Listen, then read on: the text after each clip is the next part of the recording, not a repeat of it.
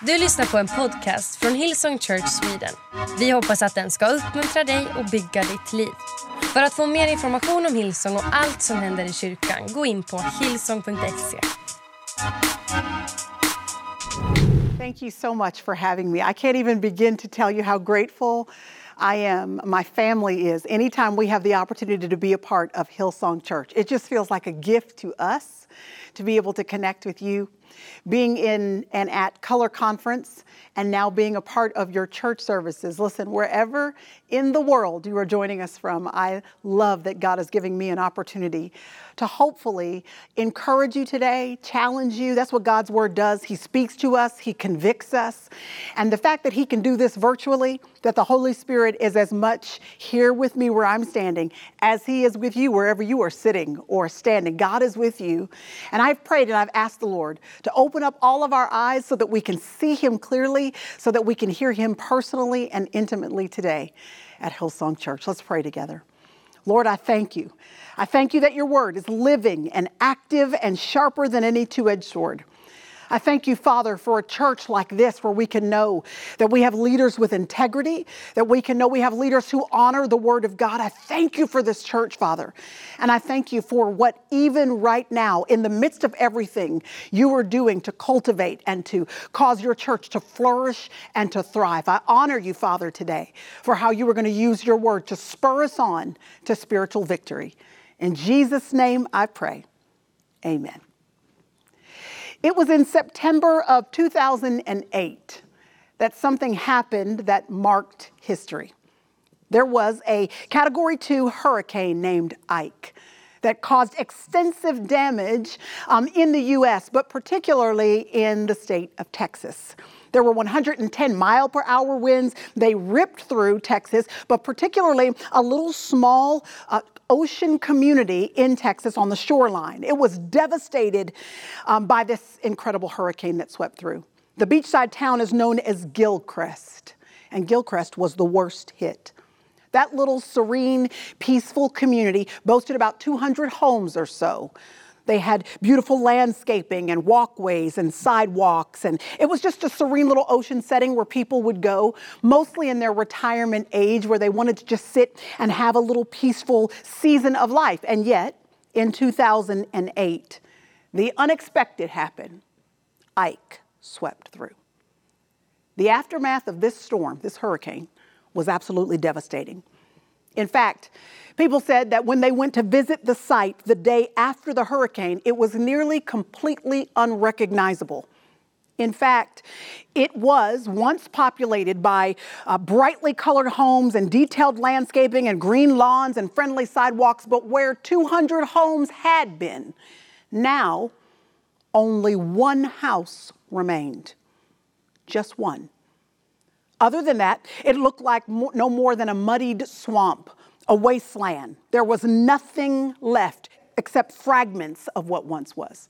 And the only thing that gave a little bit of a hint that there used to be a community there was this one house that was still standing. It's actually odd and quite shocking to see the images of this town the day after the storm. To see one house standing where there used to be many.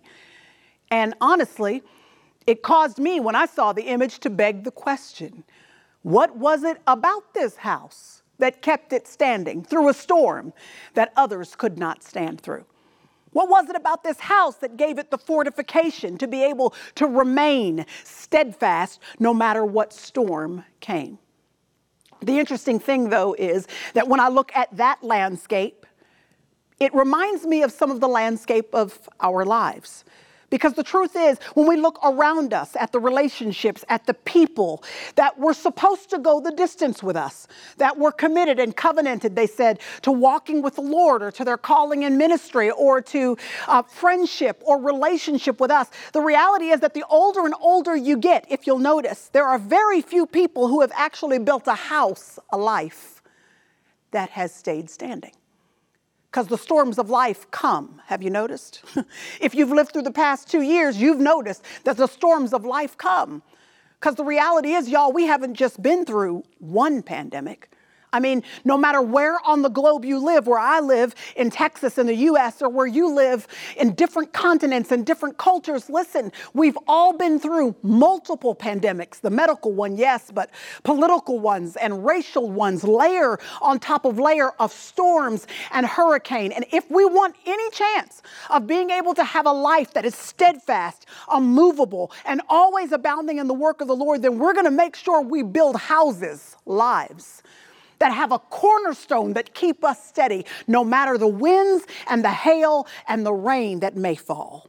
And they are going to fall. You don't have to go looking for the storms, just keep living. And the storm at some point is going to come and find you. So I've been thinking about how do we build a life that stands? How do we remain over the course of time? Where are the saints who will remain? The ones who will still be standing come hell or high water, the ones who are making a decision that, as for me and my house, what we're going to do is we're going to serve the Lord. The political landscape may change and the cultural landscape may shift, the stock market may plummet, but no matter what, I've made my decision. My feet are firmly planted and I will remain. Where are the saints who have chosen to remain and to be steadfast? How is it that so many who were once strong were noticing them beginning to lose their strength? Or the community of faith that we used to be able to count on for some longevity and consistency? How is it that those virtues are becoming now more and more hard to come by? People are drifting away, spouses are leaving, parents are giving up, dreamers are throwing in the towel on the dream they say God gave them. Ministers are quitting what they said wasn't a job, it was a calling. Why is it that finding someone who has weathered the storms and is still standing such a rarity instead of a common occurrence? Can I tell you that the older and older I get, the more impressed I am with people who have just plain old flat out remained? They've just been faithful. They may not be famous, but they've remained. They may not be rich, but they have remained.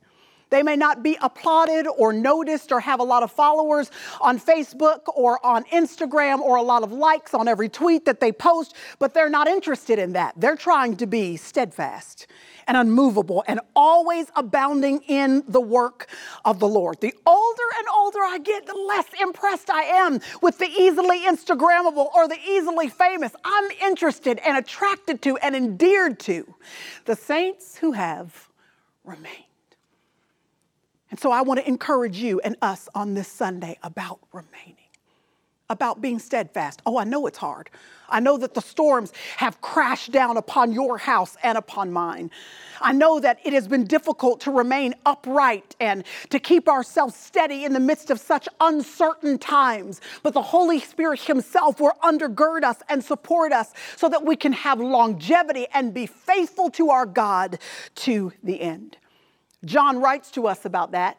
John, he's the one who gave us his gospel, the book of John. But then he also wrote to us a trio of letters first, second, and third John. Scholars call this the remaining trifecta, the remaining trio. Because over and over and over again, this brother keeps writing about remaining the word he uses most commonly throughout his writing to allude to this idea of being steadfast and remaining. The word he uses is abide. That's the word you might recognize. You remember in John, uh, the gospel, he writes about abiding in Christ and allowing Christ to abide in you. Over and over and over again, he writes about abiding. And the main theme, the main thrust of the word abide is to stay, it's to hang out it's to chill, it's to be steadfast. I'm a tea drinker. I like hot tea a lot. I probably drink at least one cup a day before I go to bed. It's just kind of a thing that helps me to wind down a little bit. I like green tea, jasmine green tea to be specific, and I'm the kind that I put my tea bag in even before I put the hot water in the mug. So I have the tea bag sitting there, then I put the hot water in, and I allow the tea bag to just abide. It just sits there. It just hangs out in the hot water. The hot water going through the tea bag, the tea bag meshing in with the hot water. It's becoming one with the other. I'm the kind of person that just leaves the tea bag in there the entire time that I'm drinking the tea. The, the tea bag is just remaining. I was with a friend and we were sitting across from each other having tea, and I noticed she wasn't an abider, she was a dipper. She was taking that tea bag and just dipping it in and out. As we're talking, she's just dipping it in and out. And I was a little irritated by the whole dipping situation going on across the table. And I said to her, Girl, you realize you can just leave the bag in there, right? You, you realize you could just leave it sitting there, it'll be fine. And she said, Well, I don't like to let it sit there too long because if it sits there too long, if it remains in the water too long, the tea will get too strong. There's a strength that comes with abiding, with remaining. You know, if you like dip in on Sunday, but dip out on Monday, if you dip into spiritual things when stuff is tough in life and that's when you pray, but when everything is steady and calm, you actually don't connect with God. If you dip in and out, you will not have the strength that you need to have the scaffolding that you need, the foundation that you need, the rooftop that you need to have a house that can weather any storm that comes your way. So, John, he writes to us about the importance of remaining, about abiding. I'm going to read to you from his first letter. It's First John I'm going to read chapter 2, verse 12, and then I'm going to read to you 13, 14, and 28. Let's start 1 John chapter 2 verse 12. John says, "I am writing to you, little children, because your sins are forgiven you for his name's sake." Verse 13 says, I am writing to you, fathers, because you know him who has been from the beginning. I am writing to you, young men, because you have overcome the evil one. I have written to you, children, because you know the Father. That verse was so important, he almost repeats the exact same thing in verse 14. I have written to you, fathers, because you know him who has been from the beginning. I have written to you, young men, because you are strong, and the word of God abides in you, and you have overcome the evil one. And then verse 28. And now, little children, here's our word remain in him some of your versions may say, abide in him. Here's why. So that when he appears, we may have confidence and not shrink away from him in shame at his coming. John starts right off the bat and says in verse 28, I'm going to tell you why remaining, why abiding, why being faithful, not perfect, but purposeful and intentional. The overarching theme of a lifespan is consistency in honoring God. He's going to tell you why that matters and why it's important, he says in verse 28, because Jesus is coming.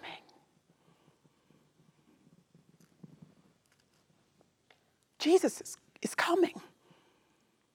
I don't mean in theory, I mean he's coming.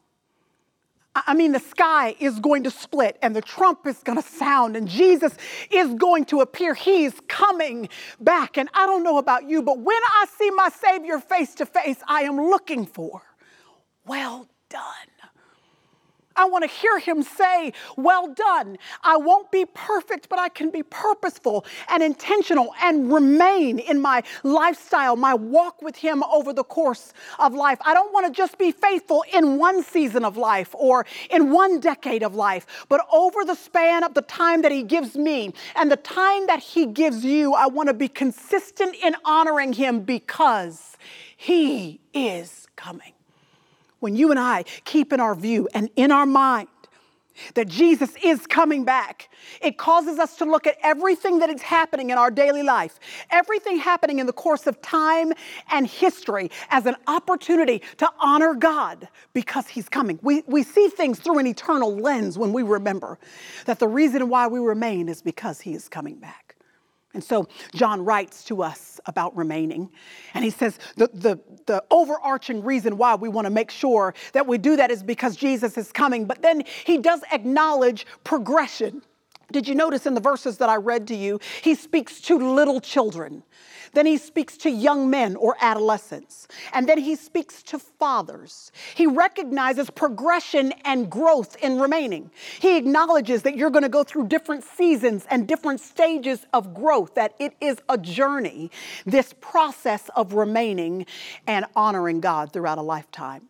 And so I thought for just a few moments we could walk through each of those stages together. You could see where you are in the journey, and I can see where I am. He started off in verse 12 by saying, I'm writing to you, little children, because your sins are forgiven for his namesake. Little children is a phrase that he uses all throughout his writing. And yet, while it's translated into one word, little children, or two, those two words, in English, there are two different original words that are used for little children, translated the same in English, but from two different original words. That first original word is translated little children in verse 12, but it has nothing to do, this original word has nothing to do with age, it has nothing to do with maturity level. It's only a term that denotes relationship meaning it doesn't matter what success level you are, doesn't matter how long you've been a Christian, doesn't matter your age, your achievements, or your lack thereof. He says, I'm just writing to all y'all who have a need for a father. So he says, I want you to know that just in case you think this message might be for the person that's sitting beside you or behind you or in front of you, but not for you. He says, I want to clear the playing field right now. I want to level it all out and let you know that I'm writing to all y'all little children because all of you are in need of a father. If we want to have any chance of having a life that remains over the course of time and history, weathering the storms and the difficulties that we're going to traverse through, you've got to have a relationship with a father. And I love so much that John goes out of his way to make sure he uses that word that levels the playing field. Because what that does is make sure that the proud among us recognize, oh no, you need a father. It also helps the lowly among us, the ones who feel like we're too weak or we haven't achieved enough or we haven't done enough. We feel lowly in some way. It helps us to know that, that our relationship with God elevates us to sons and to daughters. We've been adopted into the family of God. At the cross, all of us come level in need of the same grace and the same mercy and the same relationship with God the Father through Jesus Christ.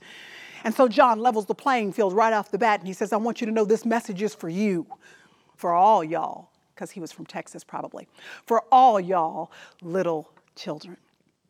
Then he says in verse 13, I'm writing to you, fathers, because you have known him who has been from the beginning. I'm writing to you, young men, because you have overcome the evil one. And I have written to you, children, because you know the Father. I figure if we start at the bottom of verse 13, we can just speak to the children, the young men, and then the fathers.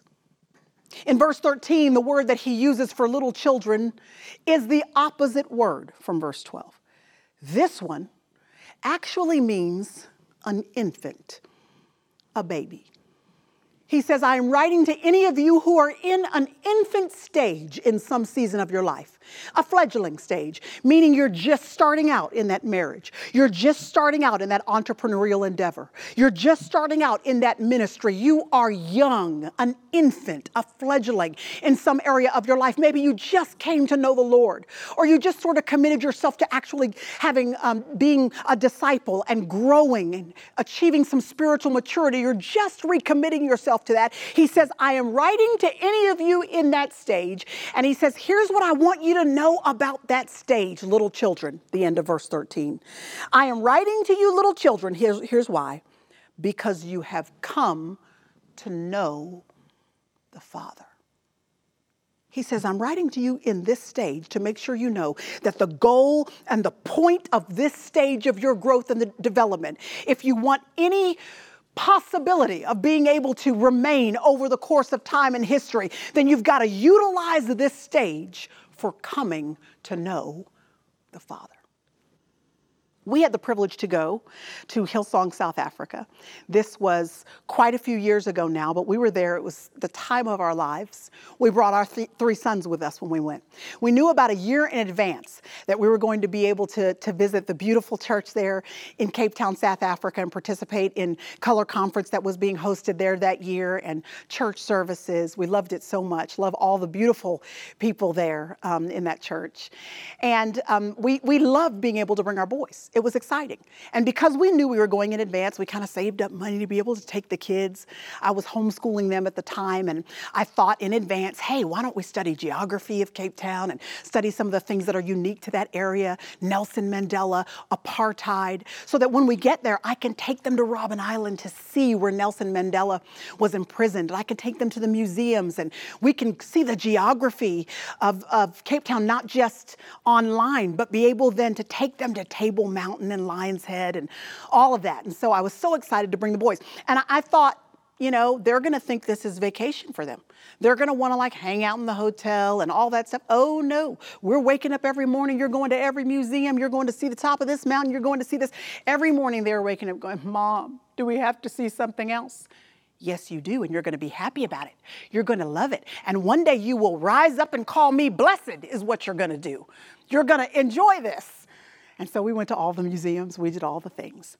And one of the things I got to take the boys to do was to drive outside of Cape Town a couple of hours to have a little safari, just a few hours on an open faced Jeep with this very lively, learned guide that sat at the front of the Jeep and he turned around and he would talk to us about the animals we were seeing. We saw some animals we'd only seen in books. We also saw some animals that we've seen before in, in the States, um, in the zoo or something. We've seen some of those animals. And I remember when we passed familiar animals, I thought to myself, we don't need to know about these animals. Let's move on to the other animals. But I was so glad when he stopped at the zebra. There was a little herd of zebra and there was a baby zebra. And he paused there for a moment and he said, You know, I know you guys have seen a zebra before, but I've got to tell you, this is the first time I've actually seen that baby back with the herd in about three weeks. After that foal was born, we hadn't seen him for three weeks or so now. And he said, Let me tell you why. When a new baby is born, the mother will take that baby zebra away from the herd for a little while. And the reason why is because the stripes on every single zebra are as unique as human beings' fingerprints. You can't see it with the naked eye, but particularly particularly the configuration that's right there in the middle of the forehead, is unique, one zebra to the next. And he said, So when a baby is born, the mother will take that zebra away from the herd so that all the baby is doing is zeroing in on the configuration of stripes on his mother's head. That way, the first two weeks or three weeks of that baby's life, he has come to know his mother, come to know the one who loves him the most. So when she brings that baby back to the herd with all those other stripes, that baby will never ever be confused about the configuration of stripes that belongs to the one who gave birth to him. The reason why, when you're in a fledgling stage, it's not the time to go away from the Father. It's time to cuddle up close and just get to know who your Father is. It's so that you will know that it is by His stripes that you have been healed so that when you are coming face to face out there in the world with all the other configurations that are trying to be presented to you, you will never ever be confused about who your Father is. The one who gave birth to you, the one who adopted you into the family, the one who gave you rights and inheritance as a son or a daughter grafted into the family of God. You need to know who your daddy is. And I sadly think that there are a whole generation of us as believers that oftentimes we try to skip this phase. We to try to jump right to adulthood, skipping this foundation of our houses. The strength of a good house is that its foundation of knowing who your father is is solid. You have a, a clarity on who God is. The, I'm talking about the God of Abraham, Isaac, and Jacob. You have come to cultivate a relationship. And we have a generation of Christians who are growing up too fast. They haven't valued this season, this stage of just doing what a baby does, cuddling up to his parent, knowing what his voice or her voice sounds like, trusting and depending like infants do on that father, that mother to provide for you, to love you, to feed you. That baby can offer nothing in return. All it can do is depend. Learn to depend the one who loves them the most. Any of you that have had children or you got nieces and nephews, then I remember when I had my kids and I'd take them to their checkups at the pediatrician one of the things that those doctors will often say is be careful about taking a baby and bouncing him up and down on his or her own legs too soon. It's always tempting to sort of stand them up on their legs and bounce them up and down, but sometimes if you do it too soon, those bones are still soft and still malleable, and too much weight, too much pressure on their legs too soon could cause their spine to just be slightly malformed or twisted so that they might walk with a limp for the rest of their lives if they put too much weight on their little bodies too quickly. Don't grow up too fast. Remain here, getting to know the one who loves you. Stay there, build a firm foundation, remain there until he releases you. The reason why you're going to need a steady foundation, John says, is because you are going to grow up and become young men, young women. The word there in the original language is adolescence, it's puberty, it's being a teenager. He says, I'm writing to all of you who are little children, but I'm also writing to you who are teenagers, adolescents. You've grown up a little bit. And he says, Here's why I'm writing to you, verse 13. I'm writing to you, young men or adolescents, because you have overcome the evil one. He reiterates it in verse 14 and he says, I am writing to you, young men, because you are strong, because you're getting some muscle on you. So, these three boys that I have, they are giants. They've always been big boys. Now I'm looking at one getting ready to turn 20, and then I got the 17 year old and the 14 year, 13 year old. He's already taller than me. They're, they're like six foot two inches tall, my older two boys. They wear a size 14 men's US shoe. I mean, these boys are giant. Somebody come help me feed these people. They just eat all the time. Got these big old boys. They've got all these muscles all over them, their chests sticking all out. They walk around their house with their shirt off. It's nasty, it's gross. I'm like, put your clothes on, boy. They're just walking around showing off all their strength. Now, when they were younger, like nine and 10 years old, they already had a lot of strength. I remember around 13 or so, they could literally pick me up and throw me on the couch and we'd be wrestling, and I couldn't win against them anymore. Now, this was before their bodies had fully developed, so there wasn't a lot of muscle on the outside of them, but they still had a whole lot of strength inside. And, and they were able to kind of pick me up and throw me around, and we'd wrestle together. And I realized that that stage, I remember it happening, where I really couldn't fight back that well anymore. They had me. They are athletes and um, my husband has been really detailed with their coaches and trainers and stuff about making sure that there was not too much weight put on those boys too early. He didn't want them lifting weights when they were younger and their bodies were still developing. He would tell their coaches they can do push ups and resistance things using their own body weight. But let's hang off on adding actual weights and dumbbells to their workout regimens too early.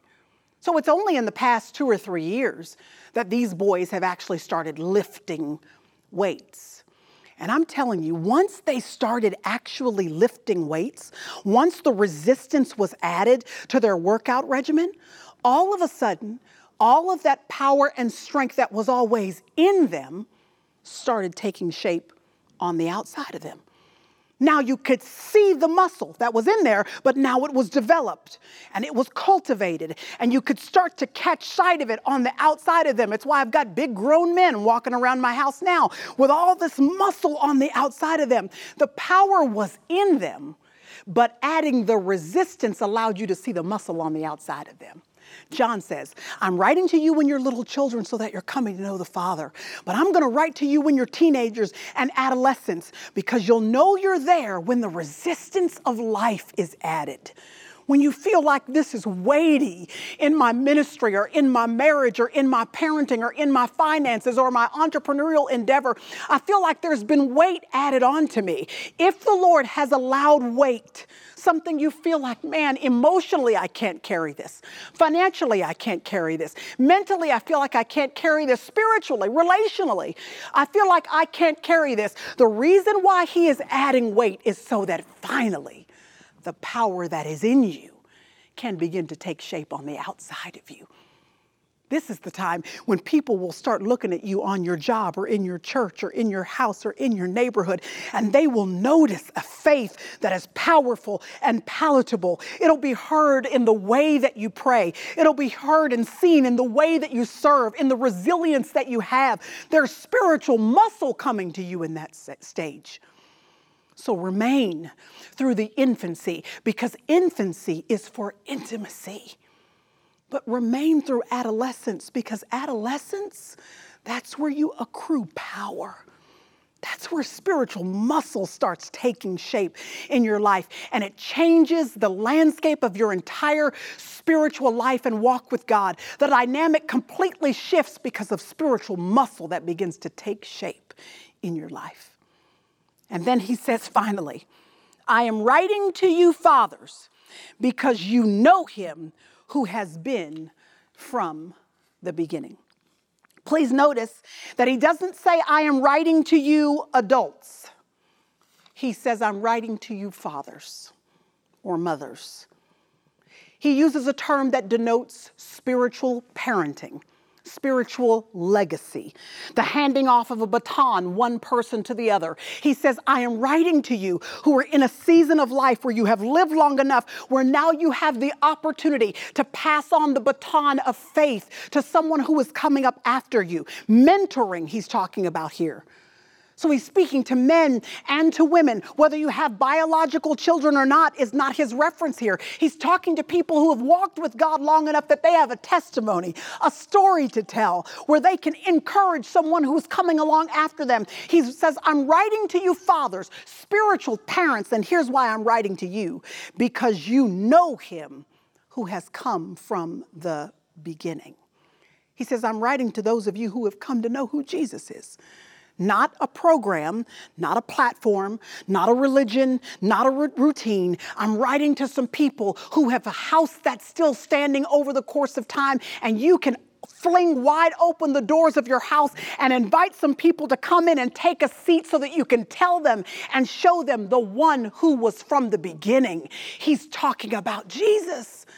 Y'all, this is John here who wrote at the beginning of his gospel, John chapter 1, verse 1 In the beginning was the Word, and the Word was with God, and the Word was God. He was talking about Jesus then, and he's talking about Jesus here. He says we need some people who know who Jesus is, not just in theory, not just in a Christmas nativity scene, not just through the testimony of other people. No, they have lived long enough and remained with him long enough and walked with him long enough that they have a story to tell.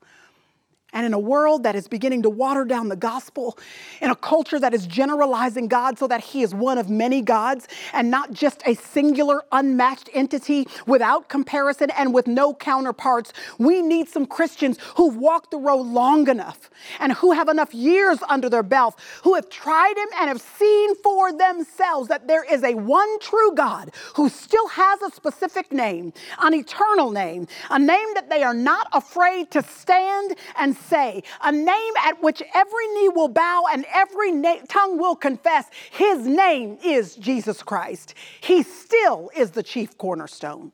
He still is the lily of the valley. He is still a bright morning star. He is the one of whom the prophet spoke. He is the one who was born of a virgin so that he might become the light to all mankind. He is the one who laid down his life so that we would not have to pay the wages for our own sins. He was the one who who was resurrected from the dead by the power of the Holy Spirit, the same power that lives on the inside of us. He is the one at whose name demons tremble. He is the one who will return to judge the living and the dead. John says we need some people who will tell us about that Jesus. And so he says we need some saints who have remained, whose house is still standing, who haven't been perfect, but they've been purposeful, intentional about making sure that despite the cracks or the wounds or the scars or the scuffs that their house may have because of the hail and the rain and the winds that have blown, their house still stands. They have a firm foundation. They have firm scaffolding. They have a roof over their heads, a father named uh, God who is the one true and living God, and they have a house that is still standing. And they fling open the front doors of that house and they say, Come on in and let me tell you about Jesus. He says, Remain. Remain over the course of time, a lifetime of growth. Because, y'all, it's not about arriving it's about remaining. Each wobbly step that we take is building our strength and our resilience and our fortitude.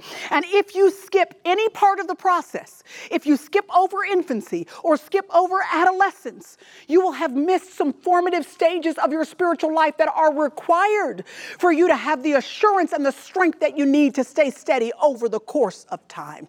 So he encourages you, and I encourage you and me and us to remain. Why?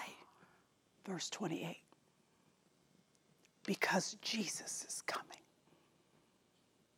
He's coming. Be steadfast, be immovable, and by the power of the Holy Spirit, be always abounding in the work of the Lord.